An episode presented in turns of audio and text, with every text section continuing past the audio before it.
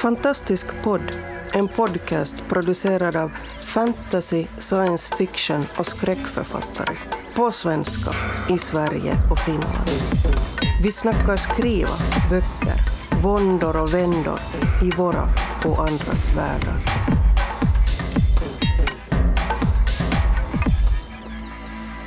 Ja, hej och välkomna till ännu ett avsnitt av Fantastisk podd. Idag så är det eh, Stockholmsgänget som kör med mig har jag Anders Björkelid, Erik Granström och Boel Berman. Eh, och jag som talar är Oskar Källner, men inte nog med det. Vi har dessutom en gäst som heter Karin Tidbeck från Malmögruppen. Mycket välkommen hit! Tjena, tjena! Välkommen! Vi hade tänkt idag att uh, prata om litteraturen. Vi ska vara djupa och litterära idag. Litteraturen, ska den ha en funktion eller inte? Och uh, jag lämnar med varm hand över ordet till vår guru Erik Granström. Det var du som uh, föreslog det här ämnet. Jag trodde du skulle till vår ålderman eller något.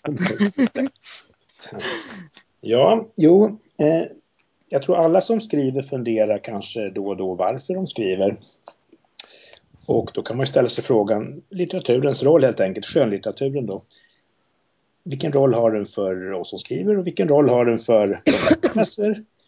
Och vilken roll har den kanske för samhället i stort? Det kan ju vara att det är ren förströelse, att det är en ekonomisk bransch. Eller så kan det vara det här att det ska öppna perspektiv på någonting som man inte stötte på annars då. Och det var väl egentligen där mitt förslag kom som utgick från en ryss som 1917 redan sa, myntade ett uttryck, ostranenje på ryska, främmandegörande.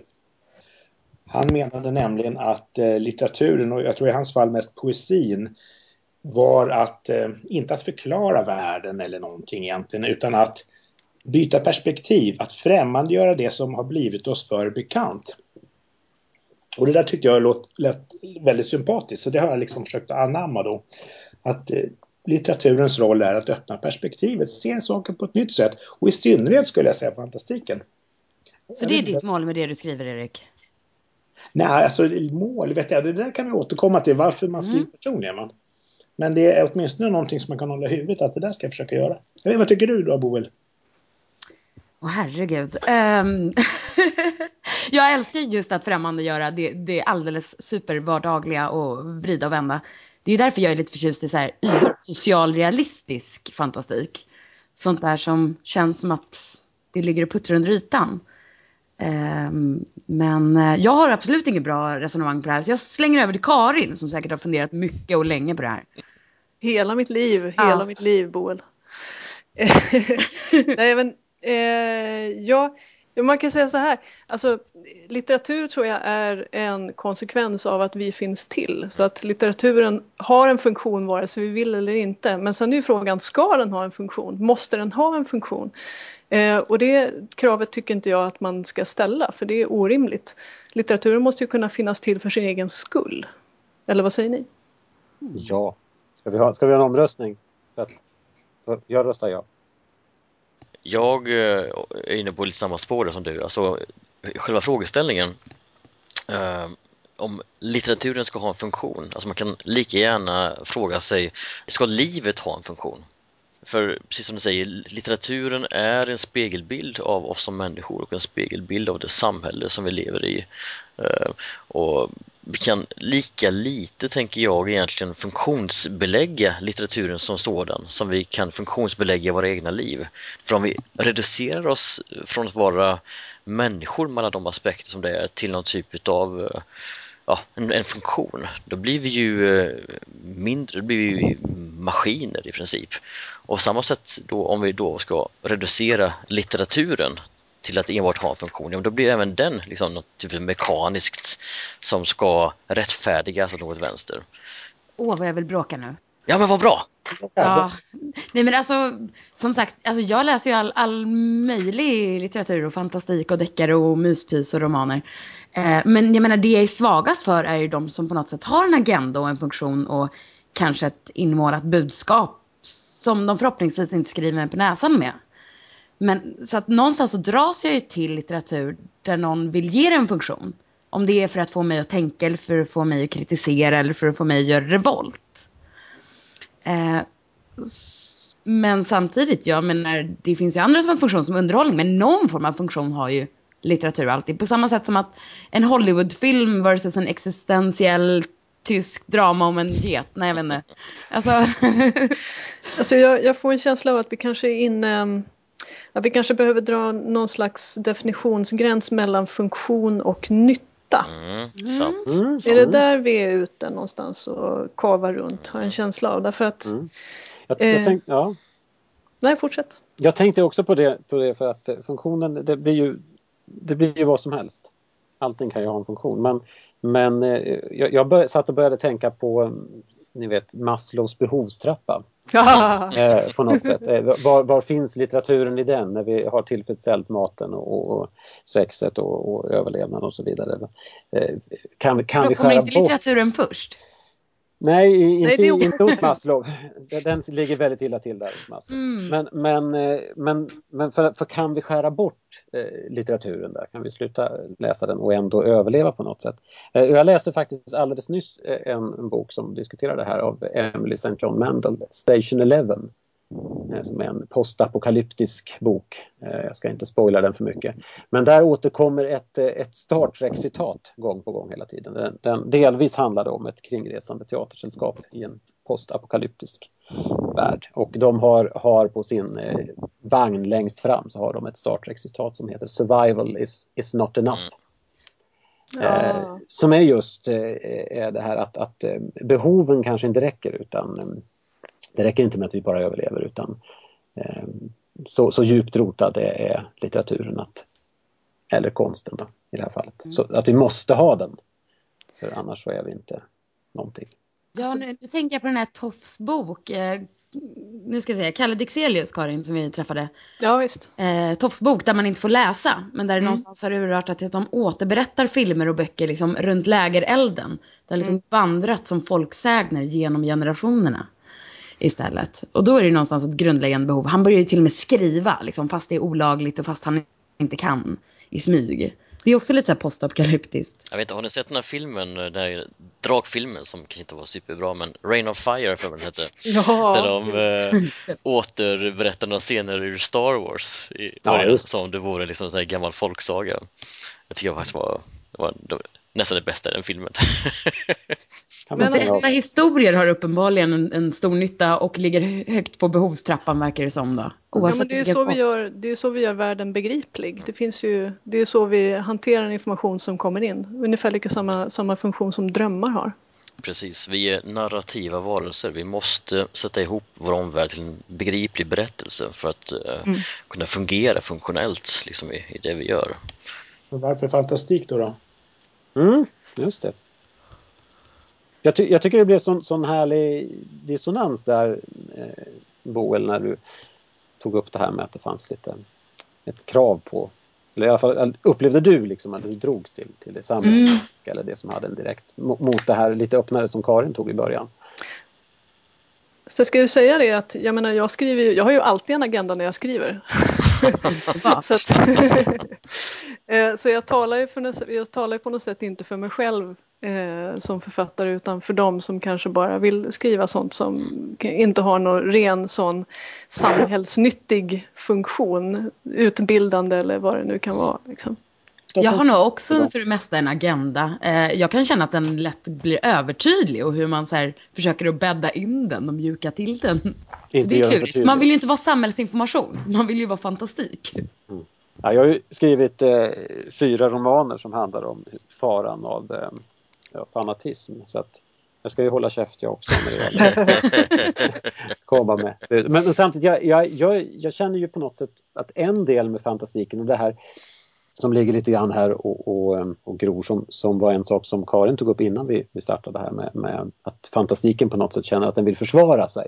Man vill, vill ha sin plats i samhället eller litterära, litterära kretsar. Jag, jag, känner oftast att det är väl vår förbannade skyldighet någonstans som, som skapare att vara meningslösa också.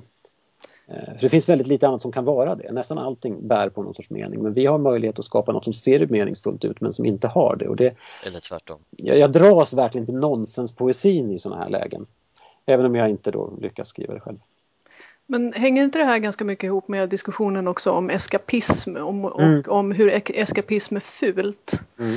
Eh, jag tänker på vad Neil Gaiman har sagt just om eskapism, att det i sig inte behöver vara dåligt överhuvudtaget därför att du, du flyr in i en annan värld där du skaffar dig verktyg och sätt att hantera världen som du sen kommer tillbaka till. En semester. Precis, eller en semester som kanske också samtidigt är ett litet träningsläger. Liksom. Ja, just träningsläger. Då tänker jag bara på det där, är det Neil Gaiman som sa det där om drakar? Ja men vad är det? The magic with fairy tales is not that they teach us dragon exist, but they tell us dragons can be beaten. Mm. Jag vet inte. Det känns väldigt bekant. Jag kommer inte heller på...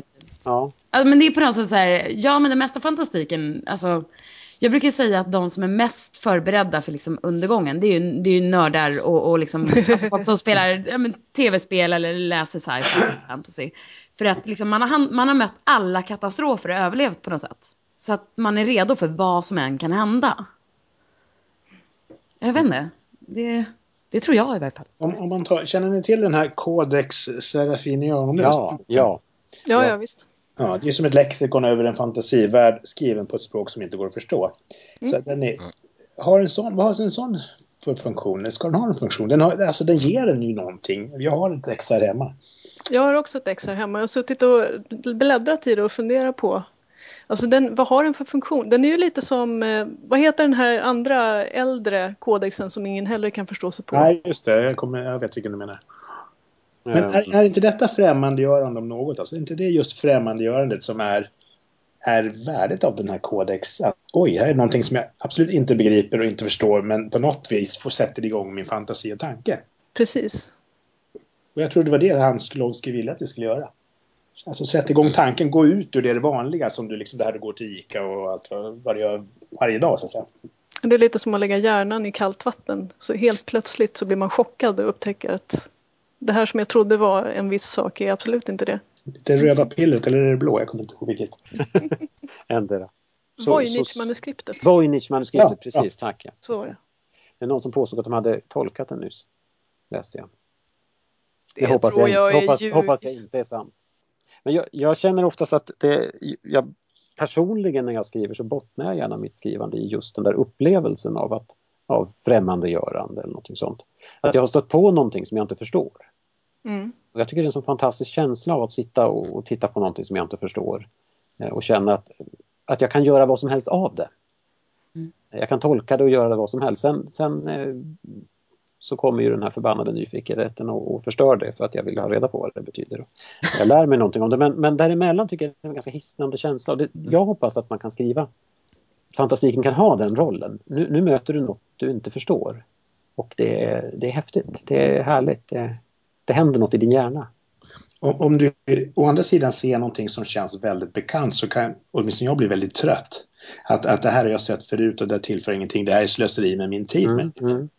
Ja, det skulle ju tala emot väldigt mycket av litteraturen. Ja, eller fotografier då. Sådana mainstream-filmer tycker jag väldigt ofta är sådana att det här är bara gjort som ett spektakel. Jag, det här kan jag klara mig utan. Mm. Jag, jag, tycker det finns en, en, politisk dimension med det här med främmandegörande också. Och det är att man, man pådyvlas väldigt mycket att så här är det tycker jag. Hela tiden. Och så har det väl alltid varit. Nu kanske från kommersiellt håll, tidigare var det kanske från, från religiöst håll mer och det Alltså folk som säger åt en, så här är världen. Va? Det här är bra, det där är dåligt, det här ska ni göra, det här ska ni inte göra, det här ska ni tycka illa om och så vidare.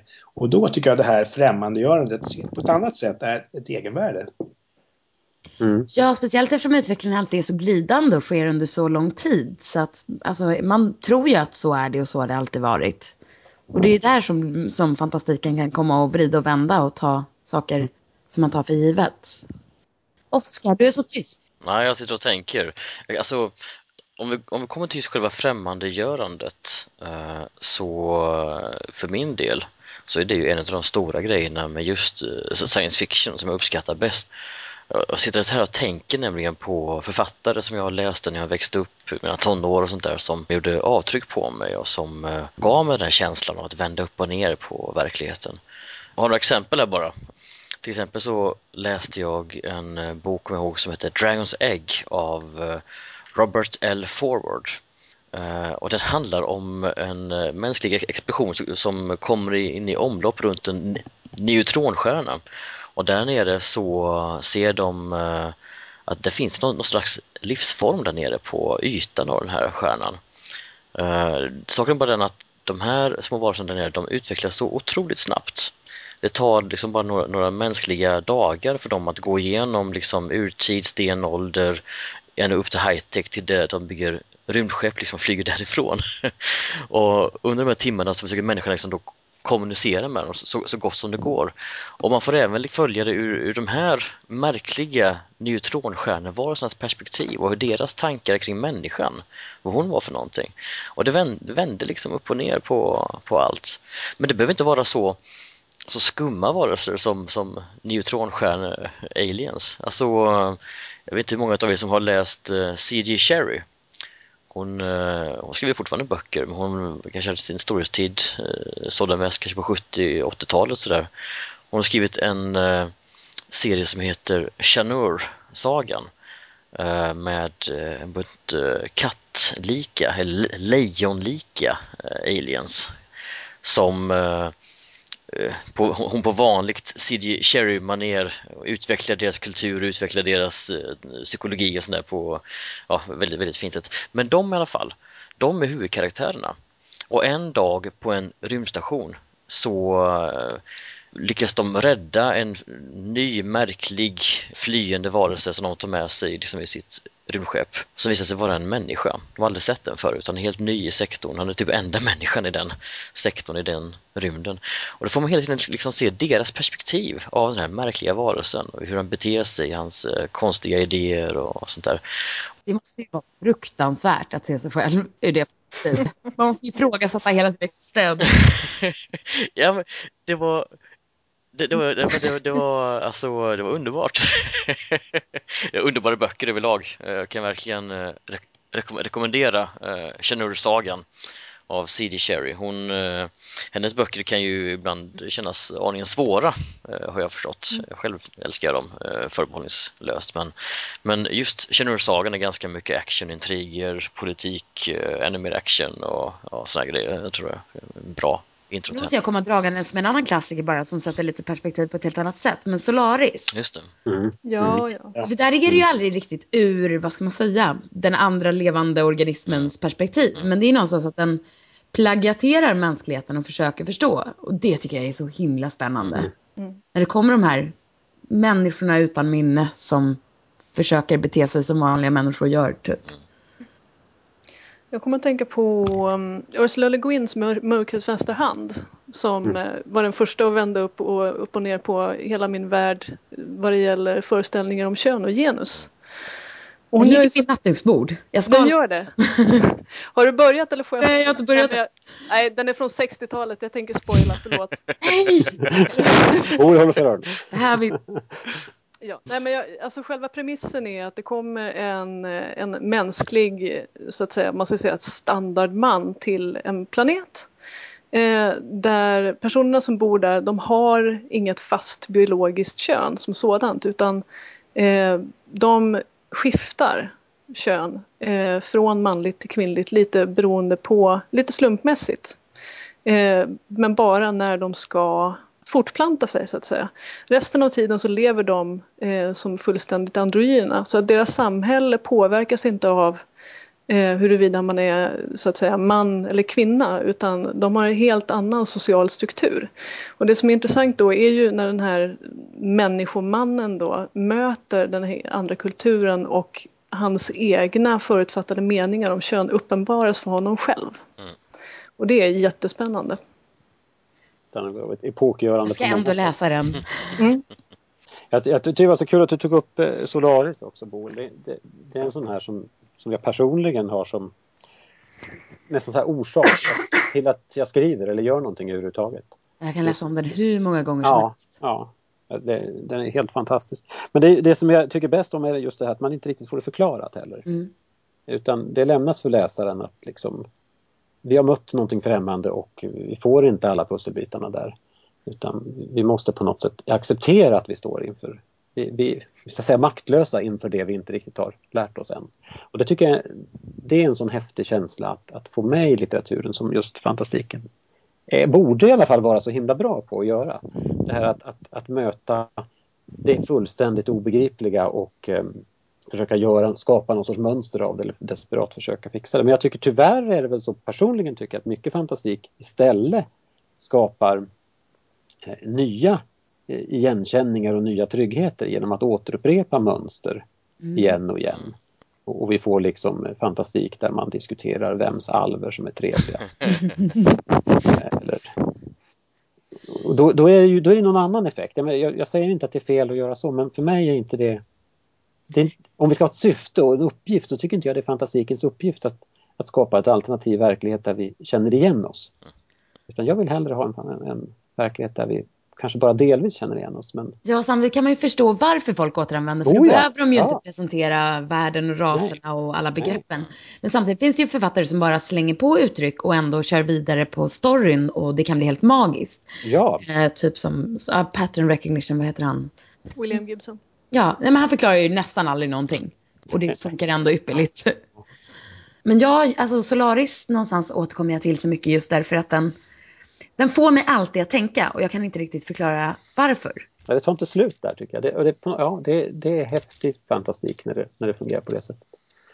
Jag mm. återkommer ofta till en annan liten, en liten novell av Stanislav Lem som heter Mögelmörkret. Åh, oh, det ska jag kolla upp. Mm. Kolla upp den för den tycker jag är så. Den utspelar sig helt och hållet i ett litet skjul någonstans i Arizona. och, och, i det skjulet så har det trängt in någonting som inte borde vara där. Och den mannen som bor där han försöker göra någon sorts förstå sig på det. Eh, den är lite mer förklarande men, men bara liksom den processen han har när han försöker förstå det här främmande. Jag ska försöka inte spoila den och diskutera det så mycket men... men jag känner ett stort eh, sug av att bara läsa mer av Stanislav Lem. Ja, det, alltså, jag läste om honom, han blev ju kick... Eller Först fick han inte vara med i vad var det, sci-fi-förbundet eller någonting för att de inte riktigt tyckte att han uppfyllde kriterierna. Sen har jag för mig att när han väl kom med så valde han att sticka därifrån för han tyckte att de var konservativa och mossiga i USA. Ja, mycket väl tänkt. Ja, men det var med, han hade stora problem med hela palpfantastiken när det var så här allt efter en mall, mm. aliens, robot, någonting, action, svar. Men kan man inte säga så att i alla fall för mig är det så att de böcker som stannar i minnet som man gillar efter ett tag också, det är de som man inte riktigt förstår. En bok som man förstår helt och fullt när man är klar med den, den är ganska ointressant tycker jag. Mm. Ja, men visst är det så. Alltså det måste finnas någonting där som man väntar. Det finns ju annorlunda varianter. Det finns ju de som är mer som sagor där man är så här, man kanske förstår allting och det är jättemysigt. Det är mer som en, ja, som en liten myspaus i en annan värld. Som är på sköna tofflor. Ja. Mm. En, en, eh, du kanske har snackat om Peter Nilsson förut, jag kommer inte ihåg det, men jag brukar alltid komma till honom förr eller senare. Men uh, han, eh, Peter Nilsson var ju, enligt mitt tycke i alla fall, en av de absolut bästa science fiction-författare vi någonsin haft i Sverige. Han var också astronom och vetenskapsman, men han skrev en duologi som heter Rymdväktaren och Nyaga. Och det där är den här sortens science fiction när eh, verkligheten kollapsar in på sig själv när man desperat med hjälp av eh, superavancerade kvantdatorer och nya sorters eh, vetenskap försöker liksom ta reda på vad är det för fel på verkligheten, vad är det som håller på att ske? Uh, och man får liksom följa med uh, några, några, personer liksom i, i den här kampen. Och det, det, det, är fascinerande, så otroligt fascinerande läsning. Och även på slutet när han knyter ju inte ihop allting, den fulingen, utan, utan man, man står kvar där med en stor mängd frågor och det tycker jag är så underbart. Jag ska bara säga att de här böckerna när jag läste dem i, jag var väl typ tidigt 20 någonting, alltså de, de träffade mig som en, eh, som en eh, sån där som man slår ner portar med, vad heter det? Murbräcka. Tack! tack. De träffade mig som en murbräcka i mellangärdet och eh, om, om, något faktiskt förändrade liksom eh, mycket av min, min syn faktiskt hur jag ser på verkligheten. Att så mycket som vi tar för givet kanske inte alls är det. Eh, de finns tyvärr inte att, de är inte i tryck längre. De finns att få tag i på diverse antikvariat så jag kan verkligen rekommendera dem. Den samlade volymen heter Projekt Nyaga. Det kan vara bra att söka på den. Just det, just det, det också. Jag kommer till, när du säger det här Oskar så kommer jag att tänka på något som jag vet att du och jag Karin har pratat om det lite hastigt tidigare och det är um, kanske det lite mer gotiska, och Marek Andre till exempel. Där, ja, där funktionen, vi... ja, jag tänker funktionen där är ju lite grann um, fantastiken som, som speglar insidan. Nu är mycket ute på samhället på något sätt. Men um, inte, jag vet inte, det är ju att reducera en författare och säga att Marek Andre bara handlar om en sak men, men till mycket del handlar det, tycker jag, om, om att man går in i ett landskap som samtidigt är en insida av en själv eller en annan person, en, en själ. Eller någonting.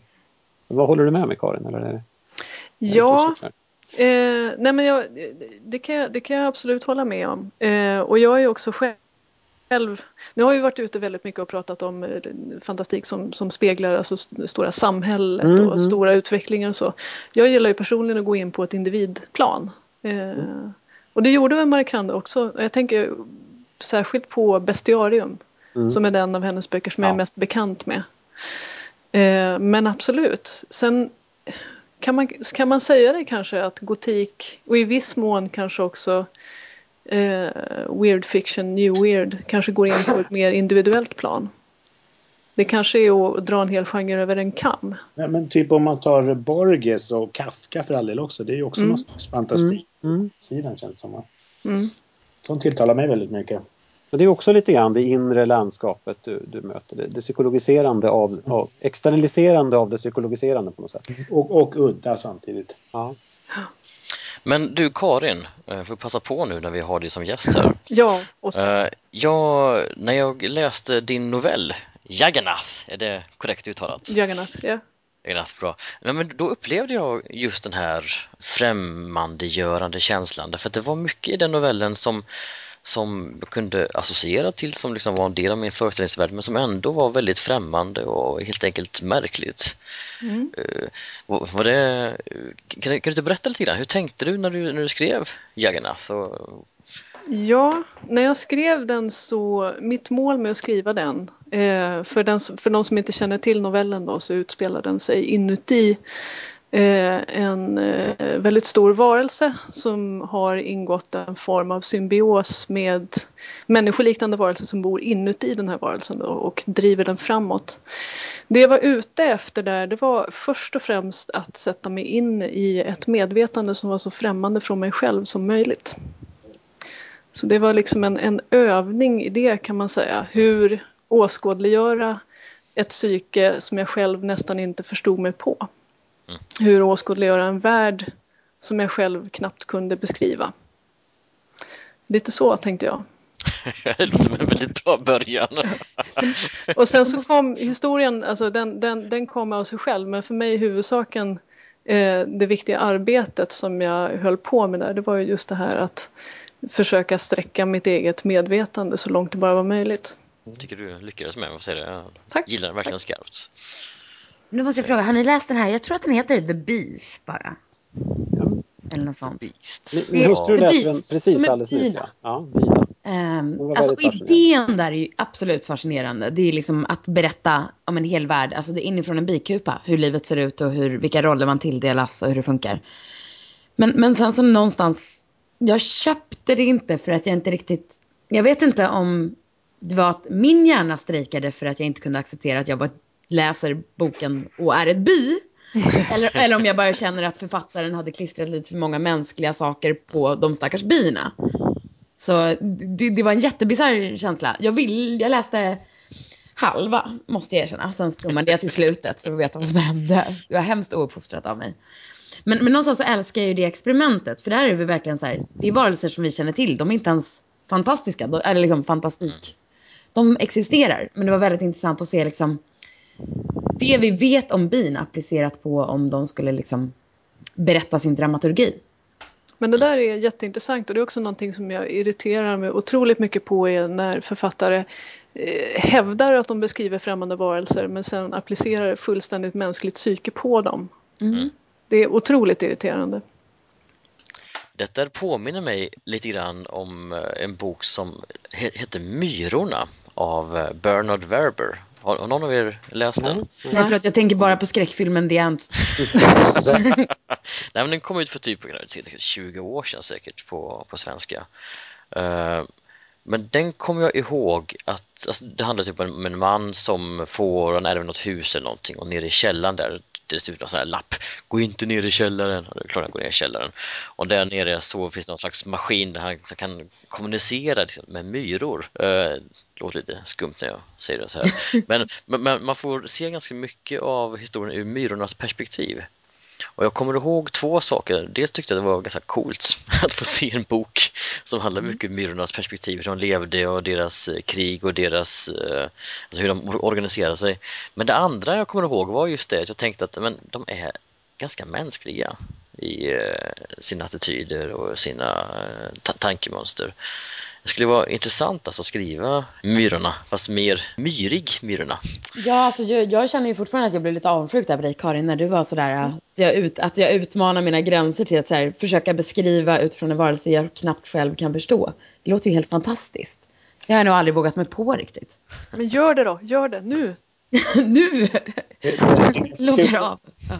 Kanske för att runda av också, det är att eh, han, Viktor Sklovsky 1917 tog som exempel just på det här Ostran i främmandegörande en novell av, av eh, Tolstoj där han just använde en häst som berättare. Så det, mm. cirkeln är sluten. Underbart. Oh, elegant. Yes, för vår tid är ute. Tack så mycket hörni, det var väldigt intressant här. Tack så mycket. Tack ska ni ha. Flummiga som vanliga. som vanliga. Du har lyssnat på Fantastisk podd om du trivdes i vårt fantastiska poddsällskap och vill ha mer så hittar du äldre poddar och information om oss som deltar på vår hemsida under fantastiskpodd.se och på vår Facebook-sida Fantastisk podd. Har du frågor eller förslag på vad du tycker att vi ska tala om, hör gärna av dig antingen på Facebook eller via kommentarer på hemsidan. Vi hörs!